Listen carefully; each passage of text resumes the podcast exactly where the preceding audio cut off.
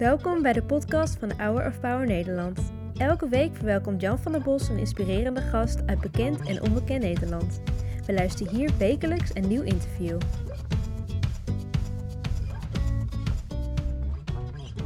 Larry Walker zong over het kampioen zijn, een champion. Voel jij een kampioen? Nou, vind ik een beetje moeilijk. Ik kom uit Oost-Groningen van oorsprong.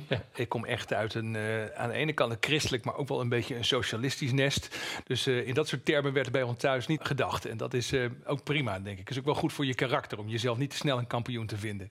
Wat ik leuk vind als ik Bobby Schuller hoor spreken in Shepherd Grove, dan denk ik, die lijken erg op elkaar. Oké, okay, ja, oh, dat is interessant om te horen. Ja. ja. Nou, ik hou wel van een optimistische kijk op het leven. Ik denk ook dat het goed is om optimistisch te zijn. Het gaat niet altijd vanzelf, maar ja, er zijn dingen in het leven die beter kunnen, dingen in de maatschappij die beter kunnen. En uh, om je daarvoor in te zetten, zowel in je eigen leven als ook voor de mensen om je heen, dat is een, uh, dat is een mooi streven. Ja. Je doet dit al 30 jaar. Al 30 jaar ben je bezig met uh, leiderschap, om betere leiders te creëren, om gedrag te veranderen. Als je over die 30 jaar terugkijkt, zeg je, we staan er nu beter voor? Of we staan er nu slechter voor? Nou, ik heb in ieder geval een hoop geleerd. Ja? dus dat is, dat is wel een verbetering. Ik heb, ben ook wel een hoop naïviteit op dit gebied kwijtgeraakt. Ja? Ook door het doen, zelf doen van onderzoek bijvoorbeeld. Dat heeft me heel veel uh, gebracht.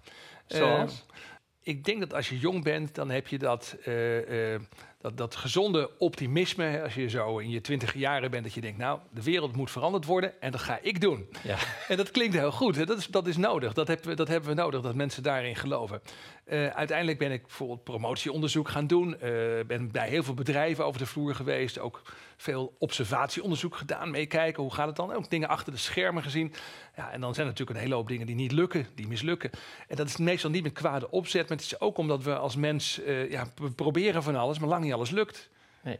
Als ik nou naar deze tijd kijk, het nieuwe jaar is net begonnen, dan zie ik in Nederland, mag ik het met één woord uh, omschrijven, teleurstelling. Teleurstelling in leiders, teleurstelling in politici, teleurstelling in de samenleving, teleurstelling in hoe de leefomstandigheden zijn. Uh, voel je dat ook? Ja, dat is wel zo. Er zijn mensen die het uh, uh, niet goed gaat, economisch niet goed gaat, sociaal niet goed gaat. Ik kan me voorstellen dat je daardoor teleurgesteld bent in je, bent in je leven. Ik zie ook wel uh, toch best wel een hoop mensen, ook een hoop ondernemers, die het best goed gaat, die ook teleurgesteld zijn. En dan heel vaak ook wij van zich afwijzen naar leiders in de politiek bijvoorbeeld wijzen en zeggen: Nou, hij of zij heeft dat niet goed gedaan. Dat vind ik gemakzuchtig, als ik heel eerlijk ben. Ja? Het is ontzettend belangrijk om, zeker als het je goed gaat, om ook kritisch naar jezelf te kijken en dat te blijven doen. En je te realiseren dat, zoals jij allerlei dingen probeert die niet lukken, zijn er ook in de politiek en het grote bedrijfsleven een hoop mensen die dingen proberen en niet lukken. Um, het is een beetje ouderwetse theorie. Hè? Het idee van de grote man, een, een, of de grote vrouw, die het allemaal bestiert. Dus als het dan niet goed gaat in Nederland, nou, dan heeft Mark Rutte het gedaan. Over Mark Rutte gesproken. Ja, Mark Rutte, dat is geen dat geheim. Die vertrekt als minister-president. Nu word jij benoemd. Wat ga je anders... Je lacht, dat zou toch kunnen? Ja, nou, dat lijkt me heel sterk. Ik ben namelijk helemaal niet geschikt voor het politieke bedrijf. Oh. Daar ben ik veel te opvliegend voor. Oh ja? ja, wat ik heel knap vind aan iemand als Mark Rutte... is dat hij onder veel lastige omstandigheden, in veel crisis... de rust weet te bewaren. Heel pragmatisch op een gegeven moment... best wel heel veel mensen dan naar een oplossing weten te zoeken. Is dat leiderschap? Ik vind dat heel knap, ja. Um, het is niet het leiderschap waar mensen altijd meteen aan denken... met een hoofdletter L. Iemand die met de vuist op tafel slaat en zegt... dit is mijn visie en hier gaan we voor. Maar het is in Nederland waarschijnlijk... nou, dat zien we natuurlijk ook door de feiten... in Nederland een van de meest levensvatbare vormen van leiderschap. Ja. Iedereen heeft een mening in Nederland. Iedereen wil ook ja. een beetje zijn zin. En iemand die in staat is om even een stapje terug te doen, naar iedereen te luisteren en dan met een compromis te komen waar iedereen mee kan leven, dat is wat je in Nederland uiteindelijk toch nodig hebt. Is dat ook wat jij leert? Ik uh, weet niet of dat in alle gevallen in bedrijven de beste oplossing is. Maar ik denk wel dat wanneer mensen zich verbonden voelen met een oplossing of met een plan. Hè, dus uh, dat er bij veel mensen een zekere buy-in is. Ja. Hè, dat, je de, dat je gevoel hebt van nou, dit is ook een beetje mijn plan. Ja.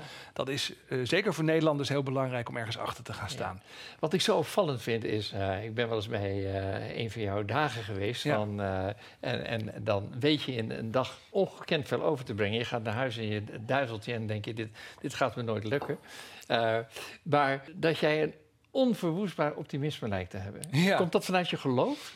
Nou, ook wel. Ja, ja? Ik, ik geloof wel. Er zijn natuurlijk ontzettend veel dingen in de wereld die niet goed gaan.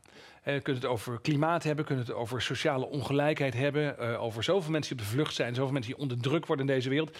als je echt tot je laat doordringen hoe de wereld ervoor staat, dan kan je echt heel verdrietig worden. En ehm, puur menselijk gesproken zou je zeggen, nou, als je het nou zo, hè, ik ben 53 nu, nu we dit aan het opnemen zijn met elkaar. Je zou het niet Eh, zeggen. Nee, hè, dankjewel, wel, heel vriendelijk van je.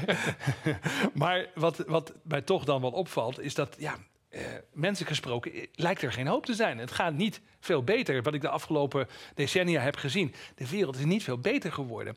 Aan de andere kant eh, geloof ik toch dat er hoop is. En dat, heb ik, ja, dat komt vanuit het geloof, vanuit mijn vertrouwen op de Heere God. Ja.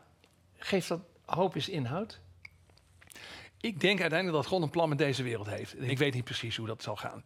Maar dat er een belofte is dat het goed afloopt met deze wereld, daar hou ik me wel aan vast. Ik geloof ook wel dat als je daarover over nadenkt, of daarom bidt bijvoorbeeld, eh, dat de kans groot is dat je ook in die plannen wordt ingezet. En ik denk dat je moet la- willen laten inzetten in die goede plannen. Ja. En dat doe je ook, hè? want je bent bij heel veel caritatieve instellingen betrokken waar je je voor inzet, goede doelen. Dat is ook een stuk van je leven en dat van je vrouw. Ja, dat is aan de ene kant iets wat heel mooi is om te doen. Aan de andere kant zien we dat ook wel een beetje als een plicht. Als het je goed gaat, dan krijg je, en je krijgt veel verantwoordelijkheden, eh, dan moet je die ook goed gebruiken. En dat doe je. Ja, dat, dat is moeilijk om dat over jezelf te zeggen. Ik ben blij dat ik. En de ik kan- vind het zo leuk, want, Ja. want, eh, aan de ene kant zeg je leiderschap, dat is eh, sterk zijn en weten waar je voor staat. En je, je weet wie je bent en je staat in je kracht. En als het over jezelf gaat, word je ineens wat bescheiden. Ja, maar ik denk dat het heel goed is om ook zo naar jezelf te kijken. Ja. Want eh, wie zal nou oordelen over de vraag, zeg maar, of wat ik allemaal heb bijgedragen in mijn leven, of dat echt de moeite waard is? Het grappige is, misschien herken je dat wel. ehm, soms dan eh, denk je dat je iets fantastisch hebt gedaan. En dan, ja, uiteindelijk als je dan terugkijkt en je bent een beetje kritisch, denk je, ja, maar wat stelt het nou eigenlijk helemaal voor? En gaan mensen met deze training of deze les die ik heb gedoseerd, gaan ze daar nu echt iets mee doen? En dan vervolgens, eh, eh, net als een soort knipoog, eh, zal ik maar zeggen, van boven, krijg je dan twee, drie dagen later een e-mailtje van iemand die ergens op een heel andere plek iets heeft gelezen van je, of bij, in het publiek zat bij een lezing, en daar ontzettend veel aan heeft gehad. En dat zijn dan vaak een beetje de onzichtbare effecten. En daar word ik altijd heel blij van. Maar goed, dat betekent dus ook dat je in mijn werk, en ik denk of je dat nou, of je nou docent bent, of je bent schrijver, of je bent trainer of spreker, ehm, ik ben van allemaal een beetje. ehm, ja, dan ben je eigenlijk vo- voortdurend aan het zaaien. En je weet niet precies waar het opkomt en hoe mooi het groeit. Dat, dat weet je niet. Heb Ja. jij een vruchtbaar leven? Nou, ik, ik, ja, ik geloof wel dat ik rijk gezegend ben. En dat er ook eh, mooie dingen gebeuren. Dat geldt zowel privé. We hebben vier prachtige dochters gekregen en gezond. Eh, ja, dat is allemaal heel fijn om dat, om dat mee te maken. We hebben zelfs een eerste klein eh, kind eh, eh, ontvangen eh, vorig jaar. Ja, dat zijn hele bijzondere dingen. Dus, Waar begin jouw ja. dag mee? Ik begin of met Bijbel lezen, of met het luisteren naar eerst dit. Oh. Eh, ik moet wel eerlijk zeggen dat eh, soms moeilijk is. Ik hou erg van vaste routines. Alleen we hadden een, een hond waar ik 's morgens altijd even mee wandelde. En dan was het of daarvoor even lezen, of tijdens het wandelen met de hond eerst dit luisteren. En dat, eh, ja, de hond is overleden dit jaar. Eh, hij heeft ook een heel vruchtbaar leven gehad. Hij is 17,5 geworden, dus het is echt heel oud voor een hond. Maar dat, dat grappige is, dan wordt er dus als het ware een soort draadje losgetrokken in je leven. En dan zie je dat veel dingen met elkaar samenhangen. Ook je routines hangen Ja. samen weer met andere dingen. En dat, eh, dat, moet, dat moet zich nog even goed hervinden. Ja, dat is moeilijk, hè? Ja, dat is inderdaad moeilijk. Ja, ja. En dat. Als je de Bijbel leest, wat brengt jou dat? Voor mij in de Bijbel zijn de verhalen over Jezus het belangrijkste. En ik merk altijd weer dat wanneer ik ook in oud-testamentische verhalen eh, of in bijvoorbeeld de brieven eh, of in handelingen uiteindelijk een heenwijzing zie, hoe zeg je dat? Eh, het verwijzen naar, naar Jezus, naar de Messias. Dat, dat is voor mij het meest hoopgevende. Dus ik merk iedere keer opnieuw dat dat, dat is voor mij de, kern van, van, het, van ja, mijn geloofsbeleving. Maar je hebt ook nog een favoriete figuur uit het Oude Testament. Abraham. Ja. Wat ik mooi vind aan Abraham is, is dat het ook, eh, nou ja, eh, een beetje natuurlijk een beetje ouderwets beeld hè, van, de, van de patriarch die zeg maar het goed wil doen ook voor zijn familie, die ook nog zich bekommert om zijn neef die eigenlijk verkeerde keuzes heeft gemaakt in zijn leven, zijn neef Lot. Dat vind ik ook wel eh, heel aansprekend. Dus misschien wisselt het wel een beetje per keer. En ik, ik ben, onze trouwtekst komt van, van Jozua, hè, maar ik en mijn huis, wij zullen de Heeren dienen. En ook dat is een hele, ja, voor mij een soort geloofsheld die je dan op een gegeven moment zegt: oké, iedereen kan doen wat hij wil.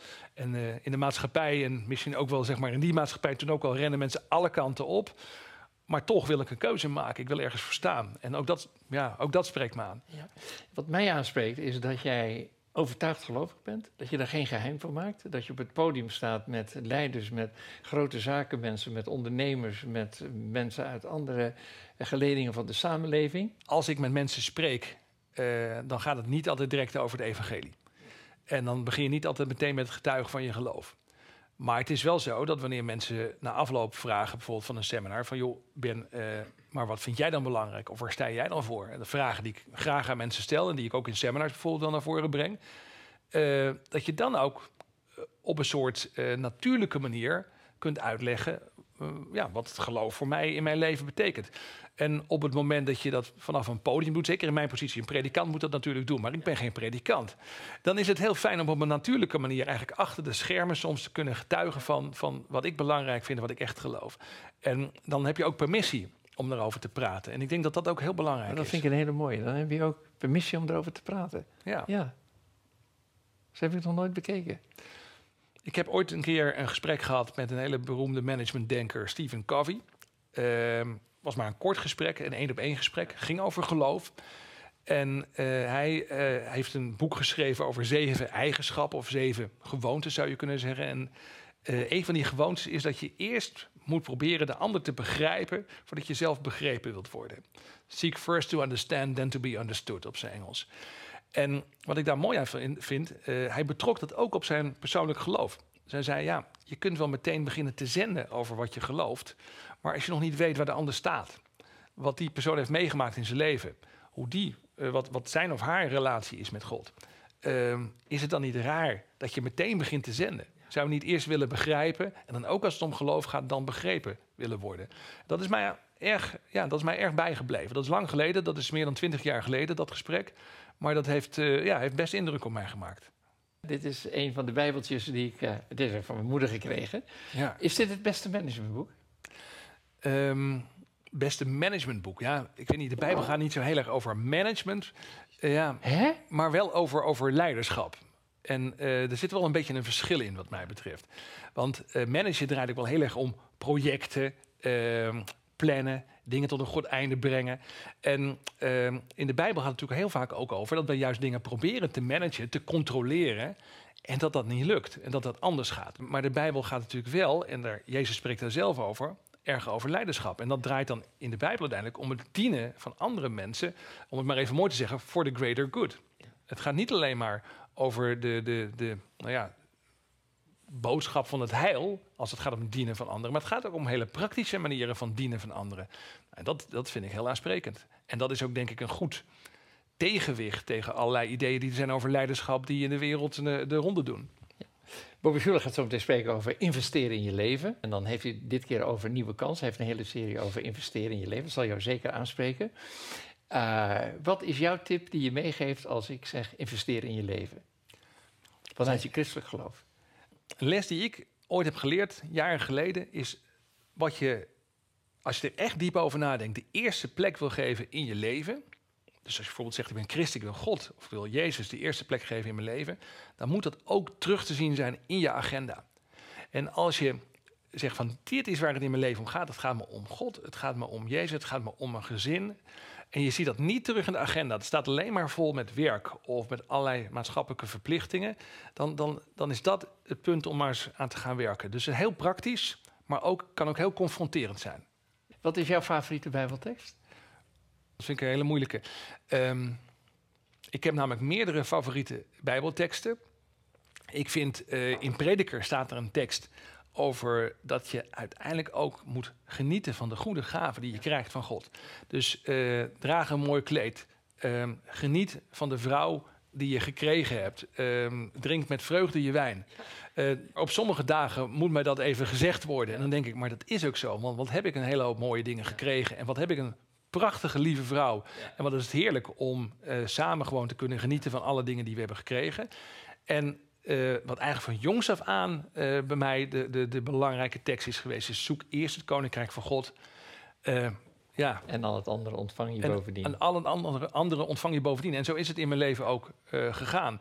En bij cruciale keuzes is het zo belangrijk om eigenlijk je te kunnen vasthouden aan zo'n soort tekst die richting geeft. Mag ik je heel hartelijk danken. Ik laat je niet met lege handen naar huis gaan. Eh, jij bent de man van eh, de korte teksten, van de, de mooie spreuken, de geweldige uitspraken. Dus ik heb hier de Collectors Item Gift van Out of Power met Power Quotes. Oké, wat leuk Dus zeg. ik heb er bovenheen opgelegd. Ik hoop dat je die aanspreekt, maar misschien vind je wel een andere. True power comes from knowing your purpose. Ja, nou, ik denk dat dat heel belangrijk is. Als je weet waar het om gaat in je leven, dan, eh, dan kun je veel eh, tegenslag en, eh, en eh, Ja. mislukking aan. Ja. Ik ga toch nog één dingetje vragen. Als je ze even allemaal uit wil halen en er dan één uit wil kiezen waarvan je zegt, nou, dit is... Kijk, het zijn er veel, hè? ja, dat zijn er best wel veel. Ja. Oké, dan moet je er even eentje kiezen. Ik zou deze pakken. Laat je passie en niet je pijn je toekomst bepalen. Waarom? Als mens is het zo makkelijk om ja, eh, overmand te raken door, door dingen die misgaan. Eh, daar zijn we ook erg op gefocust. Dat, dat, ehm, als ik vijf positieve recensies krijg op een boek en één negatieve, dan, dan blijft die negatieve blijft in mijn hoofd zitten. Daar lig ik soms wakker van. En het is een kunst om iedere keer daar toch van weg te kijken en je te richten op wat de mogelijkheden zijn. En wat de, ja, ook wat Gods belofte is voor de toekomst. Dus laat je passie en niet je pijn je toekomst bepalen. Erg mee eens. Ben, mag ik je heel hartelijk danken voor je aanwezigheid. Zeer inspirerend. En wij gaan luisteren naar een jonge zangeres van het, koor van, eh, het kinderkoor. En zij zingt Love Changes Everything. Dat is weer waar. Bedankt voor het luisteren naar het interview van deze week. We hopen dat dit verhaal jou heeft bemoedigd. Wil je meer weten over Hour of Power of andere interviews bekijken? Ga dan naar www.hourofpower.nl